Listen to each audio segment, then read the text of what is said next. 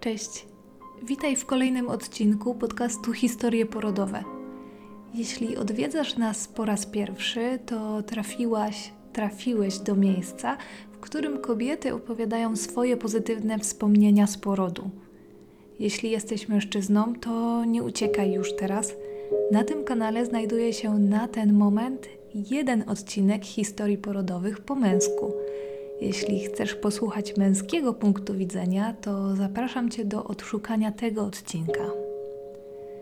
Dzisiaj zapraszamy Was do historii porodowej Marty. Razem z nią wybierzemy się w podróż do szpitala ginekologiczno-położniczego w Poznaniu przy ulicy Polnej. Nasza bohaterka opowie nam dziś o doświadczeniu swojego pierwszego porodu, który z przyczyn medycznych był porodem indukowanym. Jeśli jesteś mamą, która właśnie oczekuje na proces indukcji w szpitalu, to ten odcinek będzie szyty na miarę właśnie dla Ciebie. Lub jeśli jesteś mamą, która nosi w sobie lęki dotyczące indukcji porodu, to również dobrze by było wsłuchać się we wspomnienia naszej dzisiejszej bohaterki, ponieważ Marta ma Wam do powiedzenia wiele dobrych słów o indukcji porodu i o pobycie w szpitalu.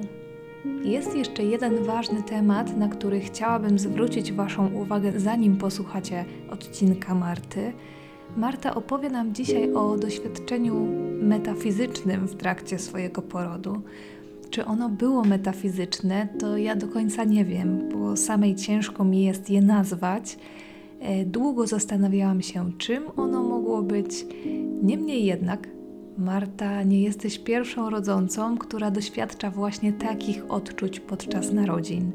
Tutaj na naszym kanale mamy już jedną historię, w której bohaterka wspomniała, że miała poczucie, że nie jest sama podczas porodu, że oprócz niej znajduje się jeszcze ktoś w sali porodowej.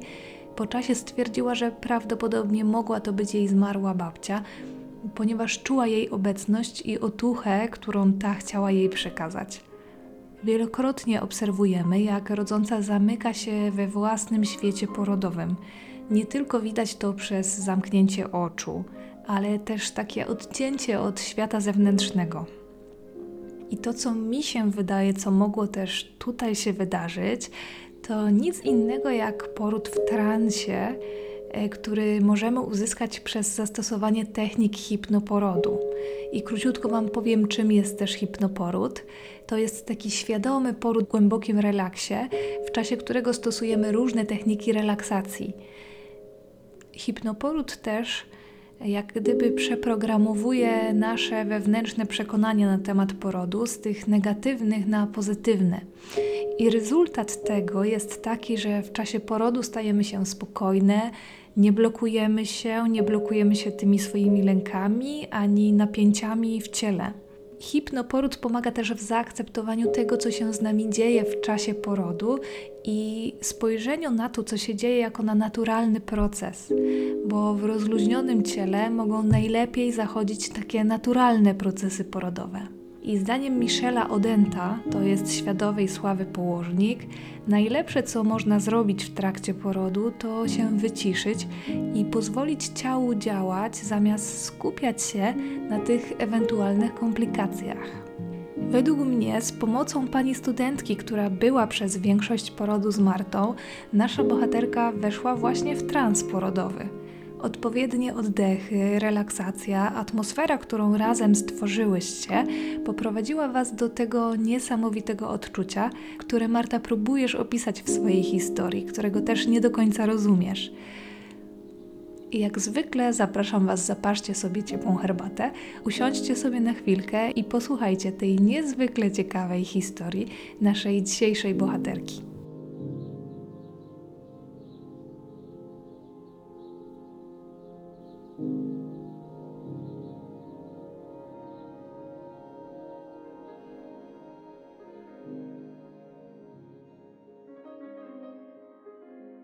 Zbliżała się Wielkanoc.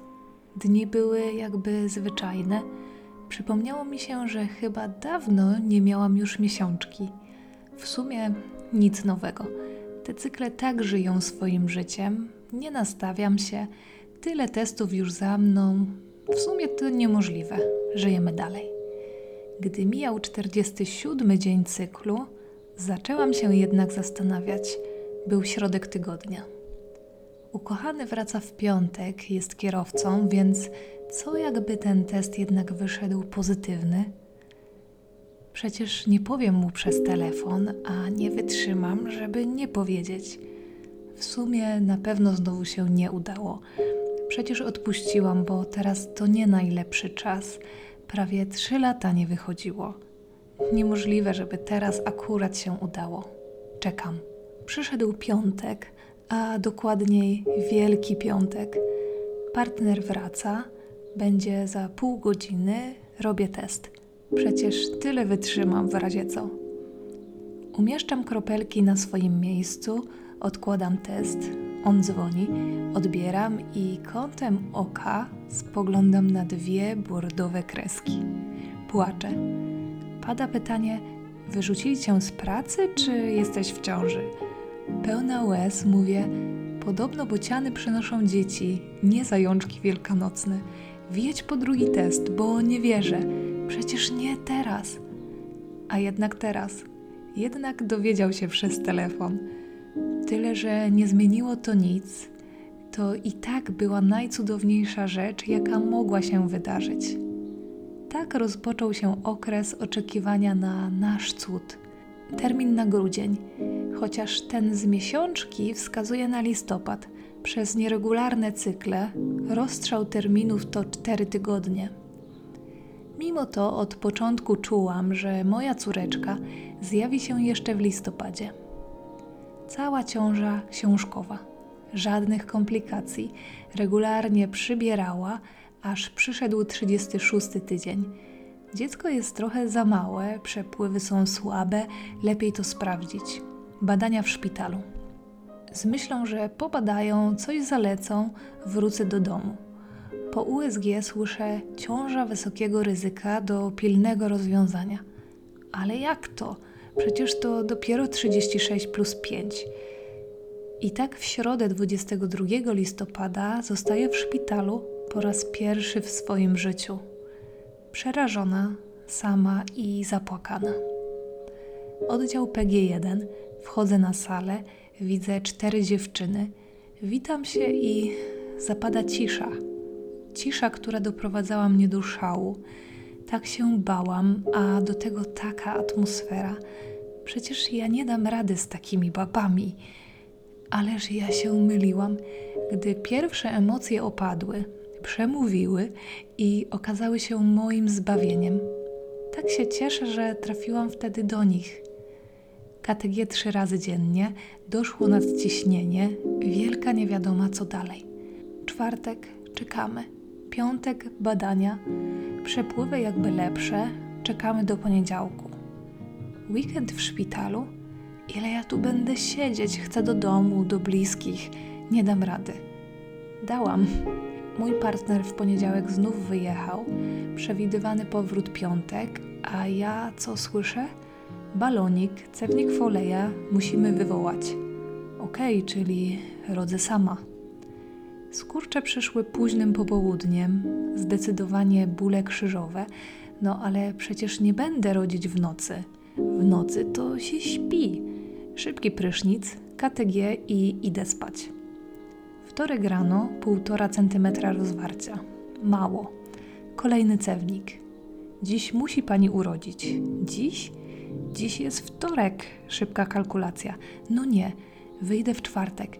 Jak dziś urodzę, to nie dość, że będę rodzić sama, to nawet nas nikt nie odbierze. W żadnym wypadku. Ja rodzę w środę. Skurcze pojawiły się w nocy, około drugiej.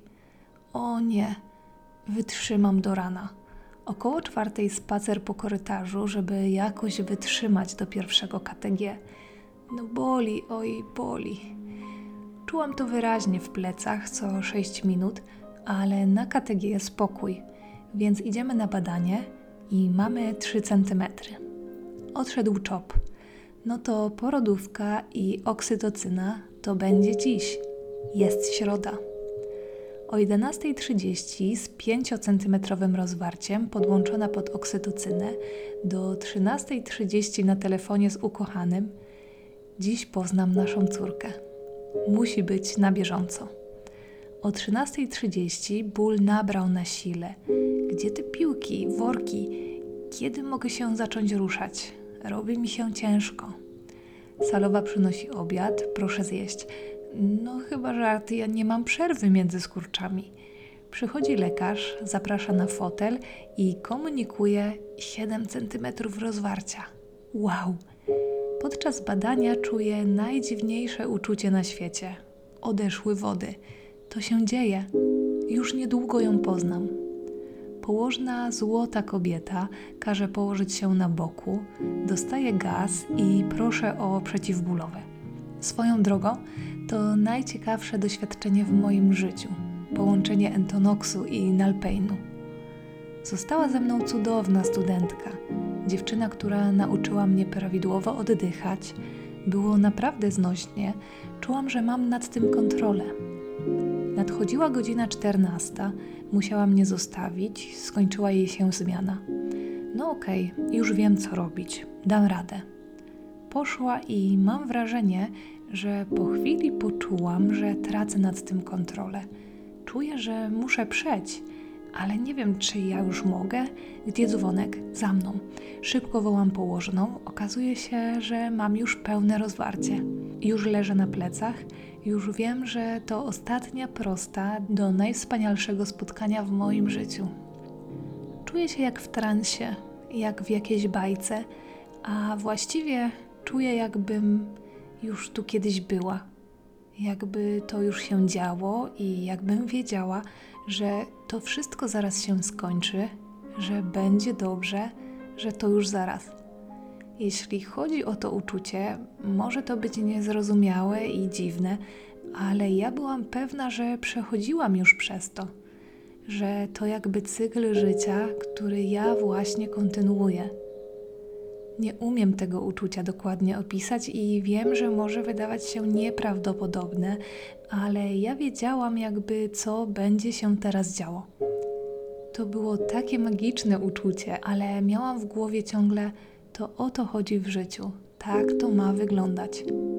Czułam, że przechodzę przez jakiś etap, który z góry jest skazany na powodzenie, że znam kolejne kroki, słowa, które usłyszę pewnym momencie poczułam się, jakbym znów miała kilka lat, jakbym leżała w łóżku i czuła spokój, bezpieczeństwo i beztroskę. Słyszałam dźwięki, które utwierdzały mnie w tym, że jestem w odpowiednim miejscu. Pewnie zastanawiacie się, czy wszystko było ze mną w porządku. Czy to, o czym Wam teraz mówię, nie brzmi zbyt głupio? Nie chcę być uznana za wariatkę. Może ten stan był kwestią leków, które jakby nie patrzeć, trochę mnie odurzyły, ale zdecydowanie sprawił, że dzień mojego porodu był najcudowniejszym dniem mojego życia. Słyszę moją mamę wchodzącą na salę, zdążyła, łapie mnie za rękę i wiem, że nic złego już się nie wydarzy. Słyszę, jak położna mówi: Martusia, to już, już ją mamy, mamy ją. 15.02. To trwało raptem dwie godziny. Przytulam do siebie moje największe szczęście. Ale czy wszystko jest w porządku? Ona miała być mała. Miała mieć ledwo dwa kilogramy. A co jeśli błąd pomiarowy zadziałał w dół? Jest taka malutka. A jednak wkradł się błąd pomiarowy, ale mój dzidziuś ma 2 kg 735 gramów. To przecież wcale nie jest tak mało. Trafiam na salę poporodową, dzwonimy do tatusia na wideo. Jest taki szczęśliwy. Już niedługo go zobaczysz, skarbie. Mama została kilka godzin, ale przychodzi wieczór, muszę zostać sama, ja i ta mała, słodka istota w mydelniczce obok mnie. Ale co to? Ja nie czuję strachu. Czuję, że dam radę. I dałam. Choć bywały momenty ciężkie, tym bardziej, że Billy Rubina zatrzymała nas w szpitalu na kolejny tydzień. Byłyśmy razem i tylko to się liczyło. Chcę, żeby moja historia niosła za sobą ważny przekaz. Nie wsłuchujcie się w mity. Wywoływany poród nie musi być wielogodzinną męczarnią. Bóle nie muszą wykręcać waszych kręgosłupów łuk. Takie rzeczy słyszałam ja. Oksytocyna nie jest waszym wrogiem. Jest często kluczem do otwarcia drzwi, za którymi stoi niewyobrażalna, bezwarunkowa miłość. A kolejnym przekazem niech będzie to: nieważne jak bardzo wydaje ci się, że sobie nie poradzisz, poradzisz sobie ze wszystkim. A wspomnienie tego nie będzie wywoływało łez, a uśmiech. Teraz wiem, że pobyt w tym szpitalu dał bezpieczeństwo mi i mojej córce. Pozwolił mi poznać cudowne osoby z przeróżnymi historiami. Kryzys laktacyjny, który był dla mnie końcem świata, nie był nim. To nie koniec świata, że moje dziecko było dokarmiane, że straciłam pokarm kompletnie po miesiącu. Nie czyni to mnie ani nikogo innego gorszą matką. Teraz to wiem. I chciałabym, żeby wiedziała to każda młoda mama, która siedzi tam w tej cudownej koszuli, może jeszcze nie wykąpana, może trochę niewyspana, bo przecież patrzenie w tą mydelniczkę jest teraz najważniejsze, bo właśnie tam leży nasze serce, które jednocześnie bije mocniej w piersi. Cieszę się tymczasem, to mija zbyt szybko. Będąc w szpitalu, usłyszałam, że jesteśmy w Polna Spa i to nie czas na łzy, tylko na odpoczynek, na cieszenie się sobą przed powrotem do szarej rzeczywistości. I choć z całego serca cieszę się, że w szpitalu spędziłyśmy tylko tydzień, to wiem o czym była mowa. Dziękuję wszystkim położnym z PG1 i porodówki, wszystkim, bo w ciągu mojego dwutygodniowego pobytu przeszłam chyba przez wszystkie zmiany.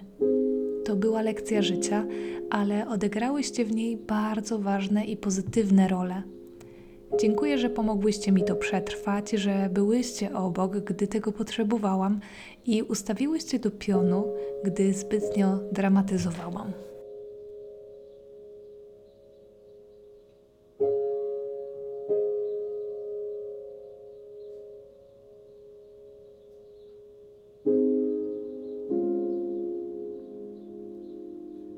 Bardzo dziękujemy za Wasz czas, za odsłuchanie kolejnej historii porodowej. Marta, bardzo dziękujemy przede wszystkim Tobie za podzielenie się Twoją historią porodową. Mamy ogromną nadzieję, że przyniesie ona spokój tym wszystkim mamom, które teraz oczekują na spotkanie ze swoim maluszkiem przez indukcję porodu. Na koniec bardzo chciałabym Was zostawić jeszcze z taką piękną afirmacją, którą Marta napisała w swojej historii. Niech wejdzie prosto do Waszego umysłu i niech przyniesie Wam samo dobro. Oksytocyna nie jest Waszym wrogiem. Jest często kluczem do otwarcia drzwi, za którymi stoi niewyobrażalna, bezwarunkowa miłość. Marta, jeszcze raz gratulacje przeżycia pięknych, świadomych narodzin. Do usłyszenia i dobrych dni dla Was.